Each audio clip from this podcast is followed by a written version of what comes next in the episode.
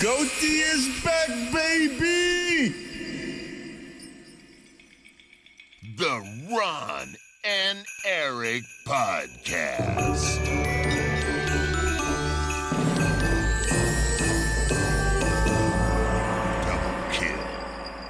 Hallo en welkom bij de Ron en Erik podcast. De podcast van Ron en Erik over games. En een gelukkig nieuwjaar natuurlijk van ons allebei. En het hele team van de Ron en Erik podcast. Ehm, Het hele team wens jullie een fantastisch 2024. en wat voor 2024 wordt het? Dat willen jullie natuurlijk weten qua games. Nou, dat gaan we vandaag eh, bekijken. Een van mijn favoriete afleveringen van het jaar altijd. Want ik hou van vooruitkijken en ik hou van lijstjes. En daarom hebben Ron en ik allebei een top 10 gemaakt van de 10 games waar wij het meest naar uitkijken komend jaar. Ehm, oh, daar hebben we heel veel zin in om dat met jullie te delen. Maar het is nou- eh, nog erger dan dat. We hebben zelfs een top 20 gemaakt. En Ja. eh, we zijn net al begonnen met onze nummer 20 tot en met 11. En die hoor je in onze Patreon. Eh, En is Dat was nog Ik meen wat ik zeg, die was moeilijker dan mijn top 10. een- ja, er zijn zoveel games die het dan toch ook nog echt nog wel gunt om genoemd te worden Ja. en om aandacht te krijgen. En ik heb daar echt games gepakt waarvan ik weet dat mensen ze niet kennen. Ik weet 100% zeker dat niemand die luistert die games kent. Ja, Dat weet ik echt 100% zeker. En ehm, we Ik- hadden ook echt helemaal andere keuzes. ja, en ik had een Star Wars game. Ja, ja. ja, luister, ik heb geleerd van... eh, van eh, ik, ik- er zijn Ubisoft games die ik heel erg waardeer. Echt waar. Ik hou van Steep en ik hou van Riders Republic. Ik vind dat goede games. Goed gemaakt. En er zit veel talent bij Ubisoft. Zeker. Maar ik vertrouw ze niet genoeg om Star Wars Outlaws in de top 20 te zetten. Ik ben eerlijk. Die Division eh, team toch, die dat maakt. Ja, Division is ook goed. Ja, ja, ja. Nee, ja, ja, ja. eh, luister. Een van mijn favoriete games. Nee, mijn favoriete game of all time is een Ubisoft game. Precies. Ja, Ja, Raving Rabbits. Raving Rabbids. ja. Op de Wii. Ehm, als je dat wil luisteren, je kunt ons steunen voor een klein bedrag in de maand via Patreon. Dat is een crowdfunding service. Eh, dat gaat via patreon.com slash Ron en Erik. Voor een klein bedrag in de maand krijg je dan elke week een extra podcast. En ja, dus de afgelopen weken al allemaal speciale GOTY podcasts eh, ge- gehad. Je kan ook één keer steunen en dan weer opzeggen. Je kan ook eh, ons blijvend steunen omdat we deze podcast eigenlijk gratis maken en er verder ook niet voor betaald krijgen door iemand. Hier zit geen groot eh, bedrijf achter Ro- Ron en Erik. Big Ron en Erik. Dus, eh, dus een Big Tech en dan heb je Big Ron en Erik. ja. ja, precies. Nee, eh, dus we waarderen alle, alle steun die jullie zouden kunnen bieden, ook in het nieuwe jaar. Maar hey, mocht je zelf niet genoeg geld hebben, geen probleem. Deze podcast blijven we gewoon gratis maken. En wat voor een podcast is het, Ron? Oh, we gaan van 10 tot en met 1 vooruitkijkend naar het nieuwe jaar. Een van mijn favoriete momenten van het jaar. Inderdaad, een van mijn favoriete afleveringen. En we hebben natuurlijk al die 20 tot en met 11 gedaan. Maar eh, ja, dit, dit, dit lijstje is... eh, ik sta hierachter. Ik heb net voordat we opnamen... Heb ik even een wijziging gedaan. Een belangrijke aanpassen. Het is de nummer 10. Oh, En ik heb hem meteen... Ik, want ik heb een top 50. Die plaats ik op Twitter. En ik heb hem echt meteen ergens naar plek 35 gegooid, de nummer 10. maar hoe kan dat nou? ik nou, ik had er nog geen gameplay van gekeken. En er was blijkbaar een 10 minuten durende gameplay trailer van. Ja, ik zal niet zeggen welke game het is natuurlijk, want anders is het een beetje flauw. Maar ehm, ik keek het en ik dacht, oh, wacht even. Dit verklaart het Oh, dat is uitstel. helemaal niet goed. Oh, wacht even, het is helemaal niet goed. nee, niet, niet goed. Ik ga Eh, vast- ik alleen ga- dit verklaarde wel het uitstel. Ik ga vast die game zo noemen dan. Dat zit er natuurlijk Ja, ik, ben, ik denk het. Dat zit er natuurlijk Als je hem noemt, ga ik het zeggen. Anders zeg ik het niet. Want dan zeg je, nou, eigenlijk is het een kut game. even de lullig voor die devs. Nee, nee. nee. Oké. Ehm, mocht je ons steunen via Patreon of dat vanaf vandaag willen doen, we raden aan om die aflevering dan dus eerst te kijken, omdat dat toch eh, qua opbouw. Ehm, maar zo niet, dan niet. Dan heb je hier gewoon een leuke top 10. En ja, meer heb je niet nodig in het leven. Ron, Erik, ja, het was wel moeilijk om dit samen te stellen. dit was echt heel moeilijk. We hebben ons Al was enigszins... niet zo moeilijk als die top 20, maar dit, die top 10 is moeilijk, ja. Ja, je dacht 2023 is goed. Ik moet zeggen 2024, als ik mijn lijstje bekijk, het is echt een fucking Erik-jaar. Het zit allemaal Erik-games in, in dit jaar. Ja, ik weet man. niet zo goed wat ik daarop moet zeggen. Want ik heb het gevoel dat alle games altijd rondgames zijn. Dat ik gewoon alles speel. Ja, maar ik sta toch wel bekend om Japanse bullshit en... eh, en eh, ja, weet ik niet, boze tieners. ja, tieners wel. Maar ik moet zeggen dat er heel veel games zijn. Ik sta... Ik weet niet waar ik bekend om sta. Ik heb geen idee. Maar ik speel graag goede games. Dus eh, ja. er is er genoeg te doen. Ja, komend precies. jaar, denk ik. Eh, we hebben ons enigszins aan regels gehouden. We moeten... eh, we gaan niet zomaar alles roepen. Het moet aangekondigd zijn en we moeten er ook al iets van beeld van hebben gezien. Ja, we In, moeten gameplay beelden hebben gezien. In-game beelden. Ja, helaas. En we moeten ook eh, met onze expertise verwachten dat hij ook echt volgend jaar uitkomt. Ja, Dus ik heb bijvoorbeeld niet Hades 2 erin gezet. nee. Precies. En ook geen, ik heb ook geen, geen Fable erin gezet. Ik heb ook geen Hades erin gezet. Had ik dat wel gedaan, was die bovenaan geëindigd. Maar, ja, maar hij komt wel ehm, in Early Access dit jaar, maar hij komt niet uit. Als het ware. Want de vorige keer deden ze daar ook eh, meer dan een jaar over, dus ja. En Fable heb ik er bijvoorbeeld ook niet in gezet. Nou ja, dat soort dingen. Toch? Nee, alles Ja. wat je zegt eh, Nee, ja. is waar.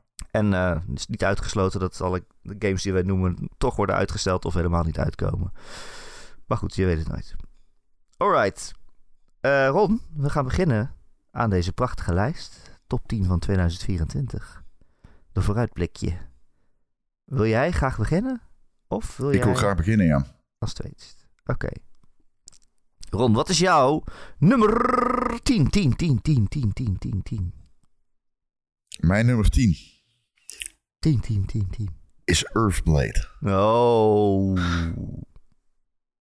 Ja, eh, voor wie het niet weet, Earthblade is een... ehm,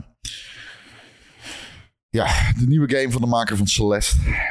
Ehm, we weten heel weinig over die game. Hij is volgens mij anderhalf jaar geleden aangekondigd bij Microsoft. En ehm, Earthblade heeft bij mij zo'n hoge positie, omdat als die uitkomt, moet het raar lopen, wil dit geen goede game worden.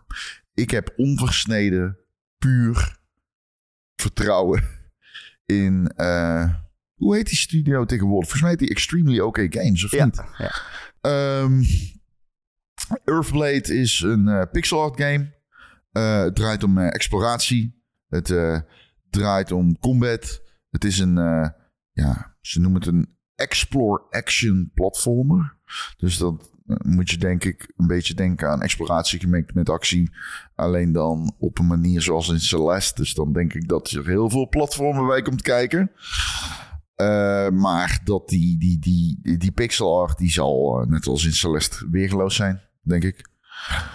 Ehm, en de combat en de mysteries zullen het eh, geheel moeten dragen. Als ik de perslezing mag geloven. Ehm, eh, het is zo'n game, ik had hem graag hoger gezet, maar ik weet er niks van. Hè? We weten eigenlijk te weinig bijna van die game. Ehm, maar het is allemaal gebaseerd op het vertrouwen dat ik heb in deze studio. Ik denk dat eh Maddie niet teleur gaat stellen. Ja, ja, die trailer zag er ook echt sick uit. Met die, eh, die pixel art. Die trailer was echt bijzonder mooi weer. Eh, ja, ik ga hem straks ook nog noemen natuurlijk. Het zal geen verrassing zijn. Dus ik bewaar het wel even. het is mijn reactie. Ja, Ja, dit is raar. Het is Ja, raar. nee, ik wil er ook al wat dingen over zeggen natuurlijk. Ja, ik snap het. Ehm, ja, nou, ik ga het gaat er straks wel over hebben, I guess. Ja? Staat iets hoger bij mij. Ehm, mijn nummer 10. 10, 10, 10, 10, 10. Ik dacht, Ron gaat er wel een sound effect doen. Oh, nee, sorry. Het spijt me. Ik, eh, ik wil het doen, als jij het fijn vindt. Mijn nummer 10. Oké. Nou, waar is hij? Oh, nummer 10, 10, 10, 10, 10. ja, deze ga jij sowieso niet in jouw lijst hebben, Ron. Dat is wel een veilige keuze, denk ik. Mijn nummer 10 is een nieuwe Persona-game die geen Persona-game is. En hij heet, en ik vind het fantastisch om deze naam te zeggen, de game heet Metafor Re Fantasio. Eh, Metaphor, Refantasio. Ik weet eigenlijk ook niet hoe ik het echt goed uitspreken. Maar goed, zo heet de game. Eh, het is een nieuwe game van Atlas eh, onder Sega. En het is een nieuw team van mensen die aan Persona 3, Persona 4 en Persona 5 hebben gewerkt. En die hebben tegen elkaar gezegd: Oh, weet je wat? We hebben echt geen zin meer om Persona games te maken. We hebben er nu al zoveel gemaakt. Dat willen we niet meer. Dus we gaan een heel andere game maken. En wat gaan ze maken? Een Persona game in alles behalve naam. Ja, ik bedoel, als ik die trailers kijk, het ziet er gewoon uit alsof het ook Persona is. Maar, en dat is wel interessant, dan in een fantasy setting. Dus het is, eh, ze zeggen ook zelf ook, het is de eerste fantasy game van Atlas. En, I mean, dat ziet er best wel cool uit eigenlijk. Het heeft dat hele eclectische, chaotische stijltje van Persona 5 in, in menus en in eh, eh, keuze van de lettertypes en zo, die een beetje zo scheef over het beeld staan. Maar het speelt zich af in een, in een fantasierijk waarin eh, eigenlijk een nieuwe, nieuwe koning moet worden gekozen. Dus het is blijkbaar een land waarbij als de koning klaar is of bijna doodgaat, dan wordt er een soort toernooi georganiseerd. Een magisch toernooi, kan iedereen koning worden. Ehm, maar ondertussen speel jij als de helden die als enige weten dat er ook nog een prins in leven is. Iedereen denkt dat hij dood is en jij moet die prins gaan zoeken. En eh, ja, I don't know, dat is dan eigenlijk de koning blijkbaar. Eh, dat is de game. Het ziet er verder gewoon uit als een turn-based eh, Japanse bullshit Persona game. En daar heb ik absoluut heel erg veel zin in. Het Kun je de naam voor mij nog eens duiden? Want ik snap die naam niet. Nee, ik ook niet. Metafoor. Metafoor. Zal een metafoor Dubbele ergens punt. voor zijn. Re. Fantasia. Maar het is geen remake, toch? Nee. Nee, niet dat ik weet. nee. Oké. Re.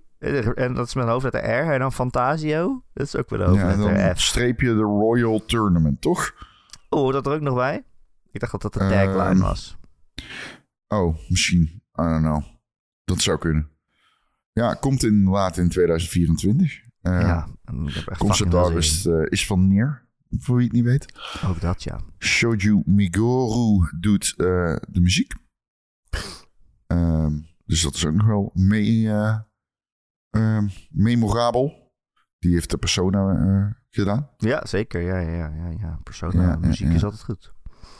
Dus, en volgens mij zit er ook een designer in die aan Neon Genesis Evangelion heeft gewerkt. Oh, dat Dus is eh fix rijtje. Ja. Ja. Dus eh, ik heb daar heel veel zin in. Nou, mooi dat je hem noemt, want eh, no fucking way dat Nee. ik die ooit noem. Dat Ook al ken ik hem heel goed, maar no way dat ik hem ooit doe. ja, man. Ik heb echt vertrouwen in Atlas ook met dit soort games. Ja, ik, dat ik- ze goed ik- dit is hun, eh, ja, dit is echt hun wheelpark. Yep. Zij zijn hier ook gewoon heel goed in, weet je wel. Ja. En het is grappig dat als je zo'n game ziet, je ziet die trailer, hè, met, dat ze met z'n drie op zo'n soort van groot schip staan, dat dan wandelt door open, ruime, lege omgevingen. Dat je meteen ziet, oh ja, dat is een Atlas game. ja, precies, ja. Ja, ja het Het is heel moeilijk uit te leggen, maar het is een beetje Japans Disney, alleen als super hardcore of zo. Ik kan het niet echt uitleggen, beter dan dat, maar ja. fucking cool. Ja, nou, nou. Oké, ehm, nummer 999. No, sorry. Nummer 9, 9, 9, 9, 9, 9. Dit is echt eh, een game die ik er eh, op het laatste moment heb ingezet. Ook al. Ja, ja, ja. Ja, ja ik... ehm, Weet je wat het moeilijke is aan deze game? Deel 1 is niet per se een game die ik heel goed... de- laat ik het zo zeggen. Oh jee. Alle lofzang is verdiend voor deze game. Maar het eh, is geen game die mij persoonlijk heel erg raakt. Op de een of andere manier. Ik heb gewoon niet de eh, hevige emotie die sommige mensen bij deze game hebben. Maar het is Senua Saga Hellblade 2. Ah. En ik vond deel 1... eh, ik weet niet waarom. Iedere keer als ik hem opstartte kwam ik niet verder in die game. Ik vond het intrigerend, maar het heeft me gewoon nooit echt helemaal weten te pakken. En ik weet het, hè, headset op. Ik heb hem zelfs in VR geprobeerd te spelen. Er is een VR-versie. En ja, ik weet Oh, nee, het niet. Het is gewoon... Ik, wat, ja, ik waardeer wat het is. Ik waardeer wat het probeert te doen. En ik denk dat iedere vorm van lofzang over die game terecht is. Maar het heeft mij nooit echt gegrepen. Maar wat ik van deel 2 zie... Ja, het is ten eerste, het is een technische showcase, niet normaal. Dat ze dit uit die Play- Xbox weten te krijgen. Ja, echt heel knap. Het is bijna fotorealistisch.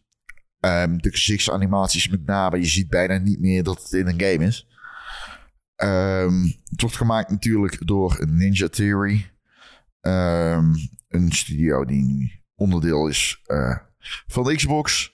Eh, Ninja Theory kennen we natuurlijk van eh, een heleboel games die, ik zou zeggen, goed zijn, maar niet onomstreden. Mhm. De DMC, Enslaved.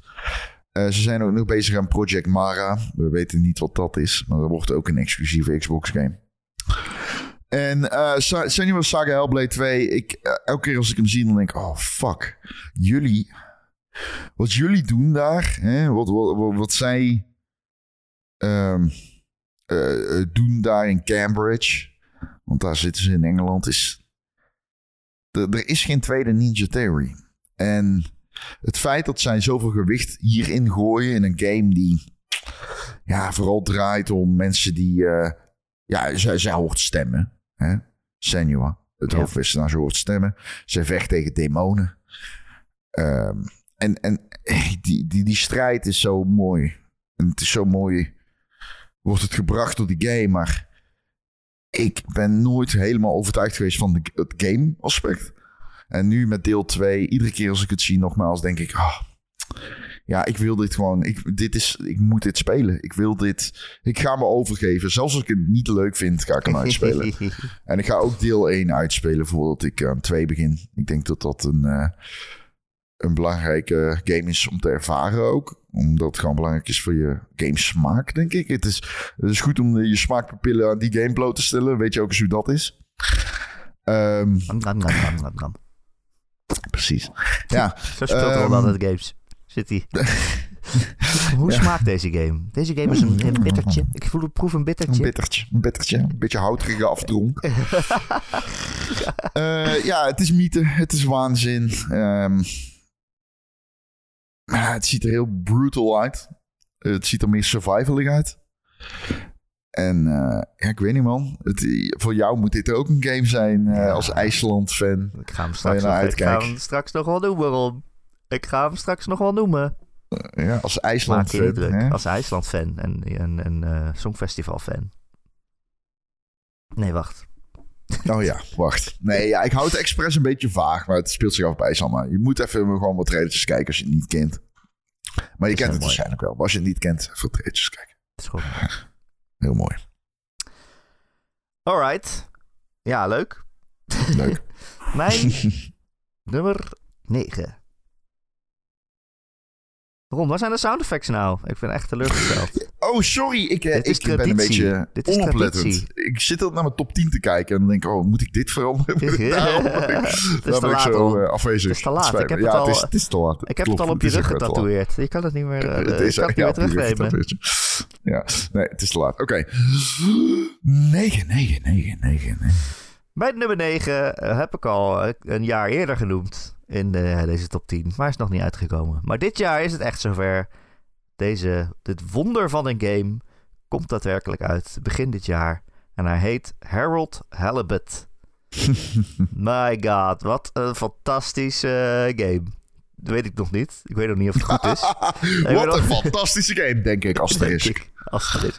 ik weet niet of de game goed is, maar gewoon überhaupt het verhaal en hoe het eruit ziet, dat verdient al. Gewoon dat we erop letten en het gaan spelen. Het komt op Game Pass, dus het is, het is weinig eh, drempel voor de mensen die het hebben althans. En anders, eh, als hij goed is, moet je, je moet er zeker even naar kijken, even een trailer kijken. Want hoe deze game gemaakt is, is echt een wonder. Het is een soort van eh, point-and-click adventure in stop motion.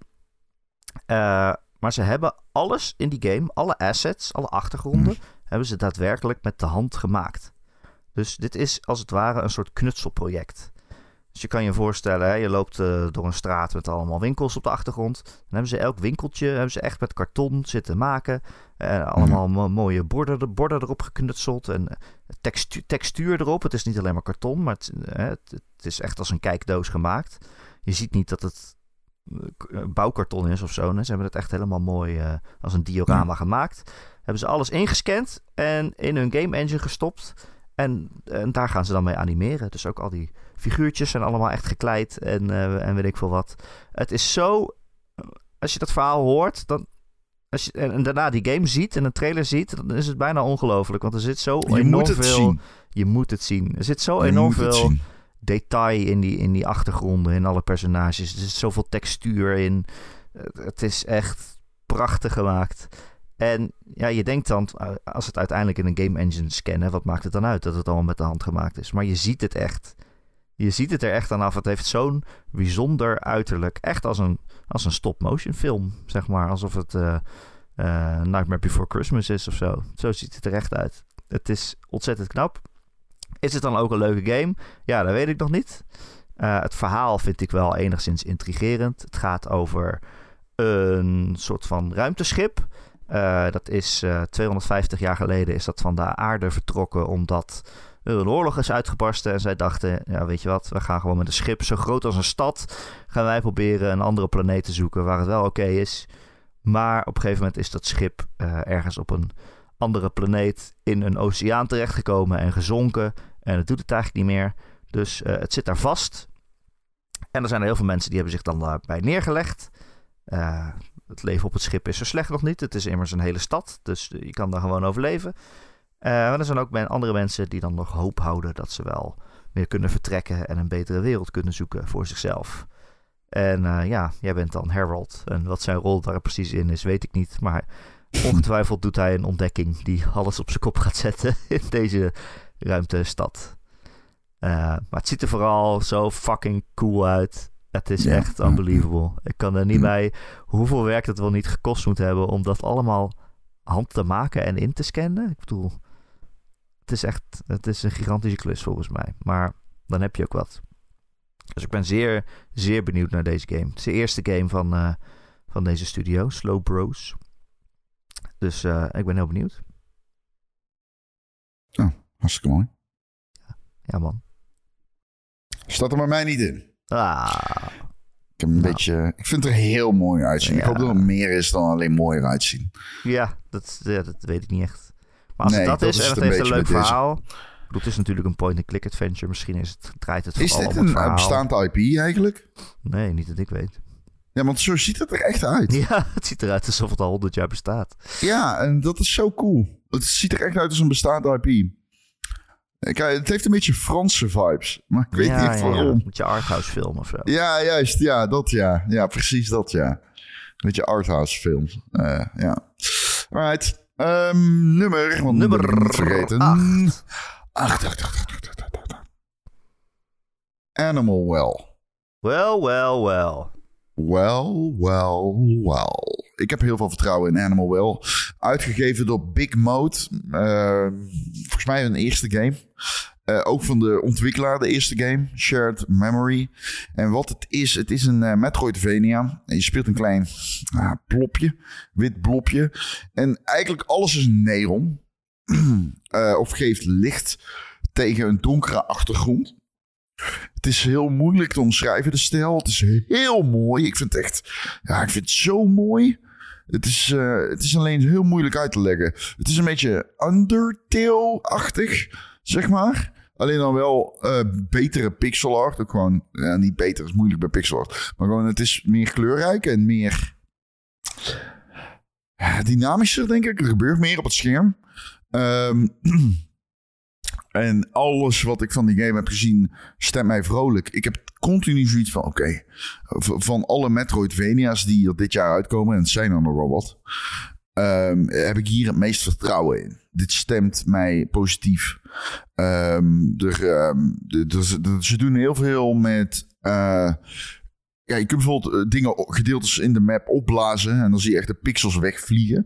Dus ze doen heel veel met physics. Eh, maar ja, bovenal, het oogt gewoon schitterend. Het oogt echt als een prachtige spelwereld. En het feit dat het, het speelt zich zeg maar af. Het heet Animal Well omdat jij bent in een soort van labyrint. Met, dat heel dens is en gevuld is met dieren. En jij gaat daarin al... eh, ja, het, is bijna een soort moeras.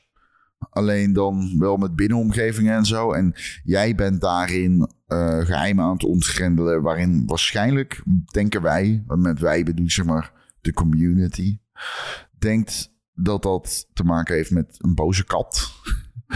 Ehm, Oké. Maar je weet niet echt, zeg maar, eh, ja, what lurks in the dark. Eh, het is een heel donker spel. Het is echt een OLED-game. Ehm, ja, het is zeg maar zo'n echte 2D-platform Metroidvania die dingen anders probeert te doen. Eh, en daarmee echt ontzettend hoog staat in mijn verwachtingenlijstje. Omdat games als dit, die zeg maar leunen op een... Ja, echt, het is echt een, la- het is een doolhof, zeg maar, waarin het zich afspeelt. Mhm. Dus de, het idee is echt dat je je op plekken komt waarvan je niet wist dat die interconnected waren. Ehm, en daarom heb ik er, omdat het zeg maar zo uniek is, heb ik er heel veel zin in. Ik weet dat het moeilijk uit te leggen is, want ik weet zelf heel weinig over hoe die structuur uiteindelijk samenvouwt met zeg maar bijvoorbeeld dingen als map design. Ehm, maar alles, IGN, Edge, iedereen die hem heeft gespeeld is laaiend over deze game. En als je het dan ziet, dan denk ik ook meteen van... oké, ja, dit wil ik echt spelen. Zeg maar, dit ziet eruit als een game die ik wil spelen. Uh, maar bijvoorbeeld als je de combat ziet... ja, ik heb geen idee hoe de combat gaat zijn. Uh, Nee, ik heb geen idee hoe het map design gaat zijn. Dus dat zijn eh, dingen die zijn nog... Je bent een moeilijk. blopje of zo, toch? Dus ja. Ja, je bent een soort blopje eh, dat licht geeft. Alles geeft licht in de wereld en zwaard. pulseert. Ja. Deze game heeft het niet gehaald in de Game.nl top 100. Ik kan je vertellen... Ik was daar fucking boos over. Ik heeft zei een echt, kamer in de fik zei- gestoken. Sorry, wat zei je? Je hebt een kamer in de fik gestoken. Nee, maar ik zei wel echt, wat zijn we hier aan het doen? Ja. Fucking Ja, Alone ja. in the Dark staat erin. ja, dat vind ik ook Fucking erg. hell. Dat vind ik ook erg. Als dat je argument is, ben ik het helemaal met je eens. Ja, het is zo'n goede indie game die zo goed gepreviewd wordt.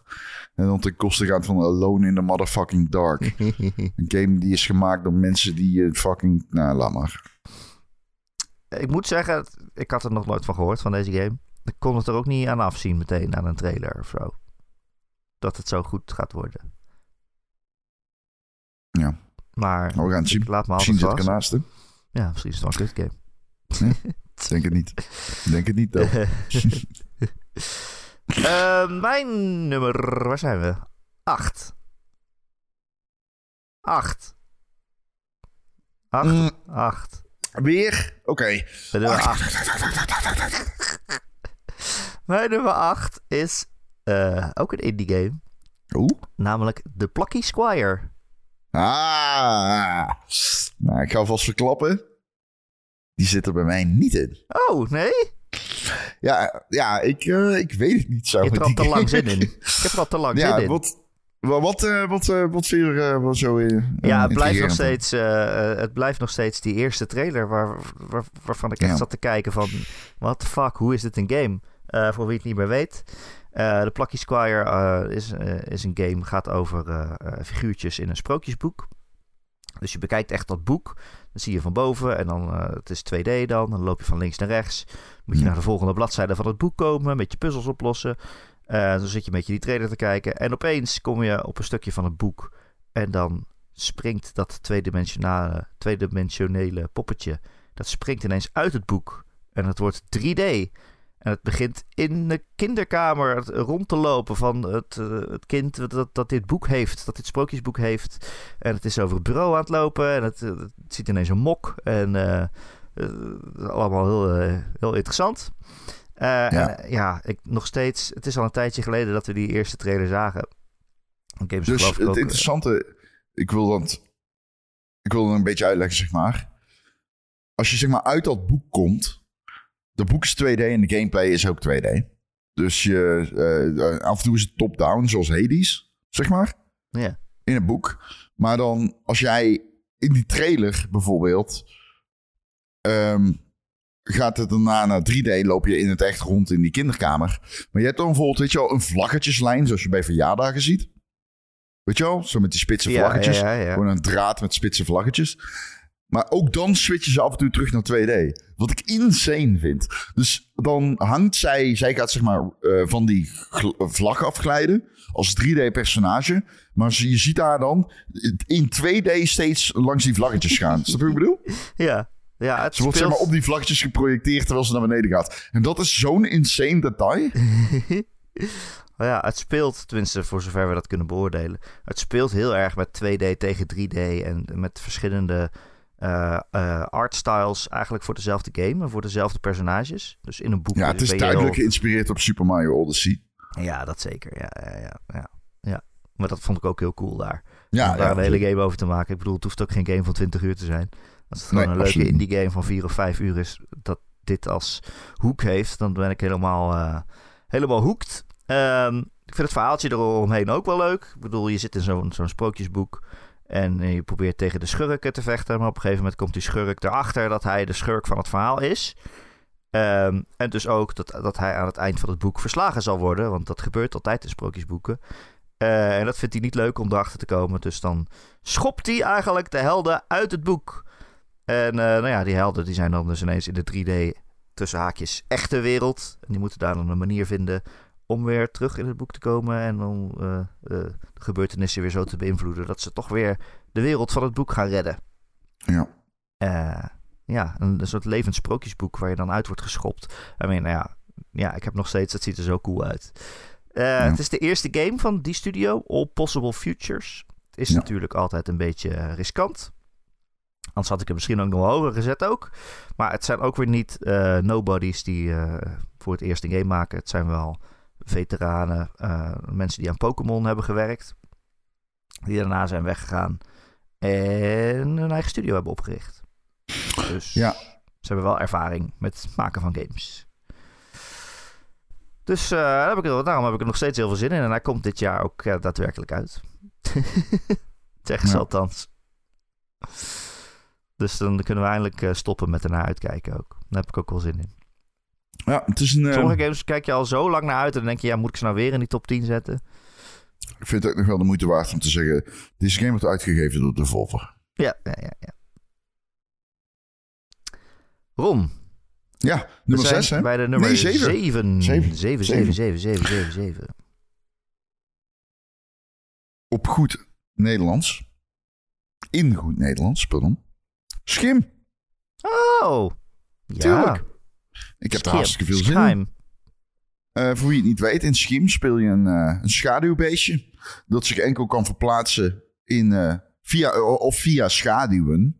En het speelt zich af in Nederland, want het is een Nederlandse game. Dus je ziet echt Nederlandse prullenbakken, Nederlandse fietsen, Nederlandse grachthuizen. En het is een hele kleurrijke... Of nee, sorry, het is een heel contrastige, contrastachtige game. Dus je, omdat het om schaduwen draait, ja, het heet Schim is het eh, zeg maar de bedoeling dat je je via schaduwen verplaatst. Daardoor heb je scherpe contrasten nodig. Dus dan moet je bijvoorbeeld via de bus die dan vertrekt. In de schaduw duik je dan. Dan reis je mee in de schaduw van de bus. En dan duik je in de bushalte schaduw. En vanuit de bushalte schaduw duik je in de schaduw van de prullenbak. En dan duik je van de schaduw in de prullenbak, duik je in de schaduw van de drempel. En zo verplaats je je door een level. En het is de bedoeling dat je van A naar B gaat door middel van die schaduwen. En dat is al, vind ik, een hartstikke creatief en leuk principe. Bijna kinderlijk, hè? Als kind denk je dat wel eens. Tenminste, dat had ik als kind. Van wat als ik me via schaduwen kon verplaatsen. Ehm, ik vind dat altijd een heel intrigerend principe. Misschien eh, is dit... eh, is, is heel uniek. I don't know. Ehm, maar er, hebben, er is een game over gemaakt... die ook nog eens in, eh, in, zich in Nederland afspeelt nu. En ik was eigenlijk al vanaf de allereerste trailer geïntrigeerd. Maar nu, ik het, nu, nu het moment dichterbij komt en alle nieuwe beelden en interviews. Want eh, eh, ja, eh, zeg maar, deze persoon. ik weet even de naam van de ontwikkelaar niet. Volgens mij Marijn. Ik weet zijn achternaam niet. Alleen is ook bij een van onze podcasts in Reshift. de Reshift Cinematic Universe langs geweest. Volgens mij bonus level. Om te praten over die game. En dat was heel intrigerend ook. En dat past bij de game. Dus ik, ehm, ik heb er echt zin in. Ik heb er ook vertrouwen in. Zeg maar. Eh, een beetje zoals ik dat had ook bij games van Rami altijd. En Rami weet dat ik dit vind. Ik vind dat dat waren... eh, eh, ja, dat waren gewoon goede games. Weet je Ja. wel? Nee. En elke keer als er zo'n game werd aankondigd, dacht je, oké, nou, nou, banger. Ja, heb ik zin in. Ja, ja, en eh ik, Schim ziet er ook zo uit. Als een game waarin ik het heel makkelijk vertrouwen kan eh, hebben. Dus hij staat er niet omdat hij per se Nederlands is. Niet vanwege de mensen die hem maken thans. Maar gewoon vanwege het feit dat hij zich in Nederlands afspeelt. En al dat, alles eraan eh, ziet er super. Ja, het, het woord valt de hele tijd. Maar het is gewoon waar intrigerend uit. ja, ja ik heb er ook wel zin in. Maar ja, ik heb hem niet in mijn lijst gezet omdat ik niet weet... Ik vind het idee heel leuk, maar ik weet niet of, die of ik die gameplay dan ook echt... Nou, het hoeft ook geen lange game te zijn, nogmaals. Maar maar het is puzzelen, hè? Het is, eigenlijk gewoon een ja. puzzelgame. Beetje- Puzzelplatformer is het. Ehm, maar het principe van verplaatsen louter via schaduwen vind dat ik wel... heel eh, cool. Dat is heel ja, cool. want je, je, je weet al dat, zoals het voorbeeld met de bus, dat was een bewuste, zeg maar. Want dan, dan kun je dus meegaan met de bus, snap je? En dat Ja. soort dingen, daar kun je heel veel mee doen. Er is ook een eh, scène op een assembly line. Dan duik je steeds zeg maar, in de robotschaduw die... Ja, weet ik veel wat hij aan het maken is. Ergens in de fabriek is dingen aan het maken. En dan duik je steeds zeg maar, van de lopende band in de schaduw van de assembly line. In de schaduw van de robot die dingen op elkaar stapelt. En zo ga je steeds door die fabriek heen. Daar heb ik wel echt zin in, ja. Ik, ik snap het helemaal. En ik ben blij dat jij hem genoemd hebt ook. Dat hij genoemd wordt. Dat is helemaal terecht. hey Erik, ik ben Ja. het niet vergeten, man. Wat is mijn nummer? 7, 7, 7, 7, 7, 7. Mijn nummer 7. ook weer een indie game. Ehm, en een game ron. Eh, ik heb hem wel op mijn top 10 staan van games waar ik naar uitkijk. De kans is ook aanwezig dat als hij eruit is, dat ik hem dan niet durf te spelen. Want ik ben nogal een watje als het aankomt op spannende games, op horrorachtige games. Ik ben heel benieuwd welke dit is. Ik heb geen idee. Eh, de game die ik op 7 heb gezet heet Still Oh. Wakes the Deep. Oh, ik dacht dat jij Stalker 2 ging zeggen. Nee, nee, nee. Nee, nee, die is sowieso Oké, te eng. Die is sowieso te eng. Maar Oh, ik heb het over Still Wakes the Deep. Dat is een first-person horror game en de nieuwe game van The Chinese Room. En ja, als je zegt dat zij een nieuwe game maken, dan ben ik eigenlijk al meteen eh, aan het luisteren. Zij zijn bekend van eh, eh, misschien wel de beste en de meest invloedrijke walking simulators. Dear Esther was van hen. Dat, daar is het genre misschien eigenlijk wel mee begonnen, toch? Als je, dat kan je wel ongeveer zeggen. De Dear Esther was de Ja, eerste ja? game waarvan iedereen opeens in blogs en Kotaku-achtige websites en zo opeens zoiets had van... Wow, games zijn meer dan gewoon schieten. ja, we moeten hier een naam voor hebben. Wat als we dat walking simulator noemen? een ironische naam, die is blijven hangen, I guess. Ja, Maar dit was een inderdaad, cynische rondlopen- naam ooit, voor wie het niet weet. Rondlopen en een verhaal beleven. En ze hebben ook Everybody's Gone to the Rapture daarna gemaakt. Die was geloof ik iets verdeelder ontvangen, maar ik vond die echt ook weer fantastisch. Ja, ja. Ehm, ja, weet je waar zij ook aan werken? Dat is echt bizar. Dat raad jij nooit. Wat? Ja, zij werken aan de game, dat raad jij nooit van die aan werken. Samen met Paradox Interactive. dat is echt al meteen, als je dat hoort, denk je al, huh, wat? Een, een, een, strategy game? Nee, zij werken aan Vampire the Masquerade Bloodlines 2. Oh, echt waar? Ja, dat is echt absurd. Waarom? Dat is echt, ja, dat weet ik niet. Ik weet dat ook niet helemaal, maar dat is zeg maar echt een heel raar, eh, een hele rare swing in hun portfolio. Ja? Ik, ik, ik weet het niet, ik weet het niet. Maar Anyway, naast dit zijn ze ook wel bekend. Hebben ze ook wel ervaring met horror games. Ze hebben namelijk Amnesia, een Machine for Pigs gemaakt. Ook een game die, die ik te eng vond, eh, maar waar mensen heel erg lovend over zijn. En ze gaan nu terug naar de horror met eh, Still Wakes the Deep. Het gaat over een olieboorplatform. Ehm, die eigenlijk eh, ja, midden in de zee, midden in een storm zit. Het zit helemaal vast. Eh, het staat op instorten. En er is iets aan de hand, Ron. Er is iets aan de hand. Het zijn buitenaardse, nachtmerrieachtige dingen. Maar eerlijk gezegd, wij weten nog niet wat het is. Want ze hebben wel allemaal enge trailers laten zien. waarin je op, een, op dat boorplatform rondloopt. om een beetje de omgeving te laten zien. En je probeert, je probeert te balanceren op een. Op, op zeg maar één balk boven de stormende zee. Of je loopt rond door een soort van kelder die half onder water staat. Dat je denkt, oké, hier kan elk moment iets creepies gebeuren. Ik heb alleen de zaklamp. Eh, dat soort momenten. Maar de trailer heeft volgens mij nog niet prijsgegeven wat het nou precies is waar we tegen strijden. Nee, je Maar- weet niet wat de vijand is. Je weet niet wat de vijand is. Maar Dat, dat, dat, is het een beetje bij die trailer. Ja, boogplatform is heel eng. Het is ook eng om te balanceren op een balk boven de stormende zee. Maar ik weet niet. Is dat het niet. gevaar? Waar- waarom, zijn, waarom staan we op die balk? Ja, precies. Waarom, staan, waarom doen we dit überhaupt? Dat weten wij nog Ja, niet waarom precies. doen we dit? Ja. We weten wel, ze noemen het wel buitenaardse verschrikkingen. Dus het is iets bovennatuurlijks, creepies, horrorachtigs. Ehm, dus ja, weet je, op basis van hoe goed ik die ontwikkelaar vind...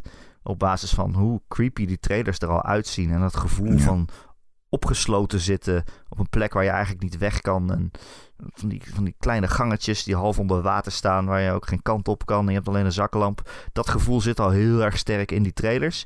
En dan weet ik dus nog, ik ben al bang van die trailer. En ik weet nog niet eens echt precies wat het gevaar is. En dat is dus al, dat vind ik eigenlijk al best wel knap. Ja. Ehm, anyway, daarom heb ik eh, Still Wakes the Deep in mijn lijstje gezet. Ik, ik, ik kan niet wachten. Of ik ga hem niet spelen omdat het eng is. Kan ook. Nou, het is grappig, je noemt Amnesia, maar ehm, eh, de Chinese Room is ooit groot geworden. Die zit in Brighton in Engeland.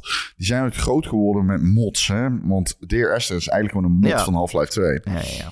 Ja, en, maar zij hadden nog een mod gemaakt. Ik weet de naam niet meer. Maar dat was ook een survival horror mod voor Half-Life 2. Korsakov of zo heet die. Oh, jij bedoelt Kors, Korsakovia. Heette dat? Kan zijn. Ja. Zoiets. Dat, het- dat je niet wist wat het echt was of, of, of, of Ja. niet. Ja, ja dus zij zijn wel in, eh, zij hebben wel ervaring in het genre, zeker. Ja, en eh, ze zijn er ook uit ontstaan eigenlijk, hè? Los van Amnesia. Ehm, Oké, cool. Ik ben blij dat jij hem noemt. Ehm, wat vond jij van Everybody's Gone to the Rapture? Ja, ik vond die dus best wel heel goed. Eh, ja, zij kunnen gewoon heel goed een plek schetsen en je daarin loslaten en rondlopen. En je kan al, al- alles bekijken, alle details kloppen. Het was een heel erg Brits, Brits dorpje, dus allemaal van die huisjes en zo'n zo'n pub waar je dan kwam. En het had ook Ja. echt heel erg dat creepy gevoel van... oké, er is iets buitenaards aan de hand. En ik vond dat verhaal echt heel intrigerend. Heel goed, ja. waar waar de meeste mensen over vielen was dat je niet kon rennen. Dit was zo traag. het was heel traag. Ja, ik kon het bijna niet. Ik, zeg maar, ook Dear Esther. Ik, moeilijk speelbaar allemaal nu. Het is... ehm, Maar ik hou van traag een beetje rondkijken. Met ja, ik vind er traag echt niet geen last erg. van. Maar je moest zo'n lange afstanden afleggen. Dat wel, ja. Maar dan liep je verkeerd, toen moest je helemaal terug.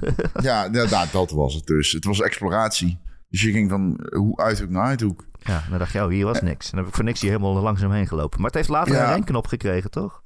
Eh, durf ik niet met 100% zekerheid te zeggen. Toen ik hem speelde had hij hem niet. Ik weet ook, de performance op de PlayStation 4 was... Oef. Oei, oei, oei. Die was zo slecht ook. Ja, ja. Het haperde en stotterde aan alle kanten. Ehm, en ik ben niet iemand die daarom geeft. Hè, want in die game... Ja, trouwens, ik ga niet heel die game uitlichten. Maar... Chinese Room maakt goede games. Goede verhalen. Goede plekken. Ja, goede om sfeer. rond, rond te dolen. Ja. Ja. Dus eh, mooi dat jij hem noemt. eh, Zeker. dat is, eh, dat is zeer verdiend. We gaan naar de nummer 6, 6, 6, 6, 6, 6. Ja, leuk. Want jij hebt hem al genoemd. Ik heb me zo, zo stilgehouden. Oh. Oh, oh, oh. ja, ja, ja, ja, ja, ja, ja, ja, ja. Ken je Thunder Lotus Games? Erik? Oh, ja, ja, ja. Dat, alleen de Patreon-luister weet dit. ja, Alleen de Patreon-luister eh, weet dit. Die hebben Sundered gemaakt. En die hebben Spiritfarer gemaakt. Oh, ik ben hyped. Ja, tuurlijk zijn we hyped. Het is 33 Immortals. Een Hades-like, ga ik het gewoon noemen. Met 33 andere. 32 plus jij. Dus 33 andere. 33 spelers samen. Die co-op in, eh, in, in een soort van actie-roguelike setting. Het eh, opnemen tegen een heleboel vijanden en eindbazen. Eh, je, bent, je speelt een, eh, ja, verdoemde ziel. En je moet rebelleren tegen God's Final Judgment. Ehm, dus als een van de 33 Immortals ga je eigenlijk continu een soort van raid in. Je gaat eigenlijk een World of Warcraft raid in steeds. En je probeert samen iedereen om te leggen. En blijkbaar eh, is het communiceren heel makkelijk gemaakt met elkaar. Dus dat is het idee, dat je gewoon met z'n allen heel makkelijk met elkaar kan communiceren met pointers en dergelijke. En dan knal je met 33 door levels heen. En als je de trailer kijkt, dan zie je dus ook dat je af en toe opgesplitst wordt. Dus dan word je echt, zeg maar, losgetrokken van uh, elkander. Maar dan moet je alsnog gewoon hè, de puzzel oplossen of de eindbaas verslaan van het gedeelte.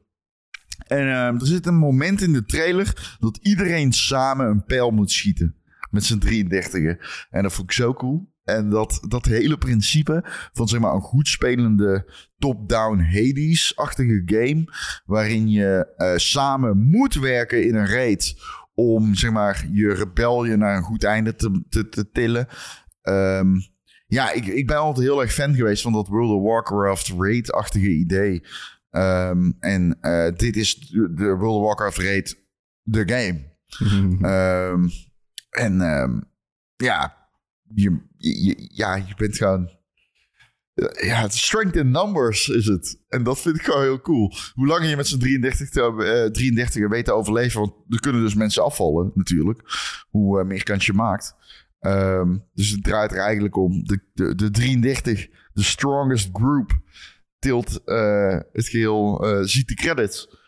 Uh, want je, je blijft bij elkaar in zo'n playthrough. Ehm, dus je moet echt samenwerken om te overleven. maar ook moet je geluk hebben. Dit, het zijn dice rolls. Het zijn sociale dice rolls. Je moet gewoon want je kiest niet met wie je gaat co-open. want dat kan natuurlijk niet je hebt geen 33 vrienden en er zijn geen custom servers. Dus uh, ja, dat, dat, dat vind ik echt fucking cool. Ik vind het principe echt... Uh, het is best wel uniek. Het ziet er echt awesome uit, ja. En chaos. Met 33 mensen in dezelfde dungeon. Dat wordt ongetwijfeld chaos. Goeie ja, maar chaos. ik heb wel het idee dat die chaos, chaos, gestuurd is door... Ja, je weet wat je moet doen. Precies. Het goede chaos. Ja, heerlijk. Ik heb er ook heel erg veel zin in. dat, ja, dat heb, ik al, heb ik al verteld. ja, ja, ja, ja. Het ziet er ook zo cool uit. Zo'n coole tekenstijl of zo. Ze hebben echt een eigen artstyle wel. Vind ik wel zo knap. Ja, ik, het is niet... Ik weet niet heel, of ik het echt mooi vind. Het is een heel andere game dan Spiritfarer natuurlijk. Een vorige game. Maar, maar het ziet er wel Zeker. dezelfde stijlachtig uit of zo. Je kan het wel herkennen dat het dezelfde studio is. Ja. Dat vind ik wel knap. Absoluut. Alright. Uh, bij nummer 6. 6. 6, 6, 6. Ja, het is eigenlijk heel simpel. Ik kan er kort over zijn. Als je tegen mij zegt: Hey, uh, weet je die mensen die uh, Life is Strange hebben gemaakt? Je die? Dat vond je leuke spelletjes, toch? Deel 1 is misschien wel een van je favoriete games. En uh, die derde, die vond je ook extreem goed. Die mensen? Nou, die maken een nieuw spelletje. En dan zeg ik, uh, oké, nou, meer hoef ik niet te weten. Hoe heet die game? Dan zet ik hem in de top 10. Vertel maar, hoe heet die? Nou, hij heet Lost Records Bloom and Rage. Hmm. Uh, de game is aangekondigd tijdens de Game Awards vorige maand. En hij uh, komt eind dit jaar uit. En ik kan niet wachten. Meer hoef ik niet te weten. Maar ik weet wel iets meer. Want ze hebben ook een trailer laten zien. Uh, het gaat over een vriendengroep van vier vrouwen. Uh, het begint in 1995 en zij lopen door het bos. En ze zijn, ja, gewoon, weet ik veel, vriendschap aan het hebben. Ehm, zoals tieners dat doen, Ron. Een beetje jezelf, ja. jezelf ontdekken en zo. En, en, oh, oké. Okay. En van, van die vriendschappen sluiten die nooit per stuk kunnen gaan. Tenminste, dat denk mm. je op dat moment. Van, oh man, ik weet, iedereen zegt altijd dat als je later groot bent, dan zie je de mensen van de middelbare school nooit meer. Maar bij ons is het echt anders. Um, maar dat is niet zo. Er gebeurt iets. We weten niet wat, maar er gebeurt iets in dat bos tijdens hun middelbare schooltijd. We zien ze in de trailer staan voor een soort gat in de grond waar een paars licht uit omhoog komt. En er gebeurt iets. Um, maar ja, uit die trailer wordt niet duidelijk wat. Wat we wel weten is dat ze daarna 27 jaar lang geen contact meer hebben. Omdat het zo erg was wat er is gebeurd dat ze nooit meer met elkaar willen praten. Ze hebben dat geheim begraven. En ze, ze doen gewoon alsof het niet bestaat. Maar 27 jaar later komen ze toch weer in contact met elkaar. Het noodlot heeft ze gevonden. En uh, ze moeten het toch uitpluizen, de geheimen. Uh, als het klinkt alsof ik het vaag omschrijf, nou ja, dat klopt ook. Dat komt dus omdat het verhaal is nu ook nog vaag en we weten niet precies wat het nog meer is. Maar man, als ik die trailer zie, ik zie die stijl van Don't Not, ik zie dat Life is Strange-achtige zie je erin terug van oké, dit is... Het, het, eh, het lijkt een beetje realistisch en, en, en, en tienermeisjes en, en daarna dus ook vrouwen onder elkaar die gewoon normale menselijke relaties hebben. Maar het heeft ook een beetje dat magische realisme van oké, er is iets buitenaards of iets bovennatuurlijks aan de hand. Uh, en in deze wereld is dat blijkbaar normaal. Net als dat, dat bij Life is Strange zo is. Ah ja, het ziet er weer gewoon uit als een emotionele reis, Rom. En ja. Uh, ja, ik, kan, ik kan weer niet wachten. Ik heb uh, Nee, ik snap het. Ik weet ja. dat dit team mij, mij zelden in de steek laat. Dus, man. Kom maar door. Het is eigenlijk een soort van nieuw team trouwens. Ze zijn verhuisd naar Montreal. Dus die studio heet nu Donut Montreal. En dit is dan hun eerste game. Uh, ja. Maar volgens mij is het grotendeels hetzelfde team als, uh, als Life is Strange. Nou, ik ben benieuwd. Uh, we weten er heel weinig van. Ja, het was een coole trailer. Alright, we gaan naar de nummer 5. We zijn halverwege. Ja, nummer 5. Dit is de echte top van de top, waar we het meest, allermeeste zin in hebben, Ron. Ja. Wat is jouw nummer 5, 5, 5, 5? Een van mijn favoriete indie games van all, of all time. Of all time, zoals Kanye West zou zeggen. Is uh, Shovel Knight. Mm. Ken je hem? Ja, ja. Met Hij springt op een schep. Ja. uh, een platform 2D. En uh, gekenmerkt door extreem goede gameplay. Gewoon echt gewoon die, de boss battles, het verhaal. De, de, alles aan die game is bevredigend. Je zit dat continu met een dikke glimlach op je bek te spelen. Het is niet eens super moeilijk of zo. Het is gewoon bevredigend. Want die studio snapt hoe dit soort games gemaakt moeten worden. Dus als die een nieuwe game aankondigen, Erik. Zoals ja. jij bij het team van Life is Strange hebt. dan uh, luister ik, ga ik zitten en wishlist ik. Als een, uh, als een goede volger. En in dit geval gaat het natuurlijk om Mina de Hollower. Een game die aanvankelijk werd aangekondigd voor 2023. Volgens mij had hij zelfs december. in een interview gezegd dat hij een concrete release datum op 9 december zou hebben. Hebben ze niet gehaald. Uh, maar um, ja, het is, een, uh, het is een, uh, opnieuw een platform game. Um, je speelt in een soort van pixel-perfecte wereld. En het is echt waar. Ik kan niks erover zeggen wat het eer aan doet. Want als je het ziet, oogt het bijna als een gemiddelde SNES-game. Um, maar hoe het eruit ziet is niet belangrijk. Ze kan graven, dat is leuk. Want je, kunt dus on, je gaat dus onder de grond door steeds. Maar dat is niet zo belangrijk. Wat belangrijk is, is dat dit de eerste nieuwe game is van de makers van Shovel Knight. Sinds Shovel Knight. Ja, en alle uit, uitbreidingen op Shovel Knight. Precies. Mensen die het voor elkaar hebben gekregen. En ze hebben natuurlijk wel heel veel andere dingen gedaan met Shovel Knight. Ze, hebben echt, uh, ze zijn heel breed gegaan met die game. Maar ja, de, de, deze game, jongens, deze game was fucking goed. Gegarandeerd dat dit een topper wordt. Um, daar durf ik echt mijn handen voor in, het vuur te steken. Uh, they just don't miss. En ja, ik, ik, ik kan niet wachten om te weten waarom dit goed is. Want als ik het zie, denk ik, ja, oké. Okay. Maar ja, je weet dat het geweldig wordt. Because um, they just don't miss. Uh, Mina de Hollow is een van die games die... Uh, nou, als wij het... Ik voorspel alvast, als we het over 2024 gaan hebben... dan gaan we het ook hebben over Mina de Hollow in de toekomst. Ik hoop dat, wordt zo, dat wordt er zo een uh, die zo'n top 5 van een jaar haalt. Ik hoop het. Maar man, kijk hoe, hoeveel indie games wij al gewoon noemen, hè? Allemaal ja, indie games ja. waar wij zoveel vertrouwen in Als hebben. Yacht Club natuurlijk inmiddels echt een super grote studio, maar... Ja, ja, ja. ja. ja. Nou ja, toch. Ja, cool. Ik heb er ook zin in. Ik ben heel benieuwd. Ja. ja. Um, mijn nummer 5. Oeh, 5, 5, 5, 5, 5, 5. Mijn nummer 5 is. Kijk, er staan heel veel games in zo'n top 10 waarvan je denkt. Oh, ik weet niet of. Ja, ik heb er heel veel zin in. Of het echt goed wordt, dat weten we natuurlijk nog niet. Dat moeten we afwachten. Maar mm-hmm. er zijn ook gewoon games. Het is gewoon uh, een lok. Dat weet je, weet je al zeker. En je weet zeker dat het precies een Erik game is. Uh, en dat komt omdat ik deze game al een keer gespeeld heb. Oh, heb ik jij een mijn nummer droog 4 keel. toevallig?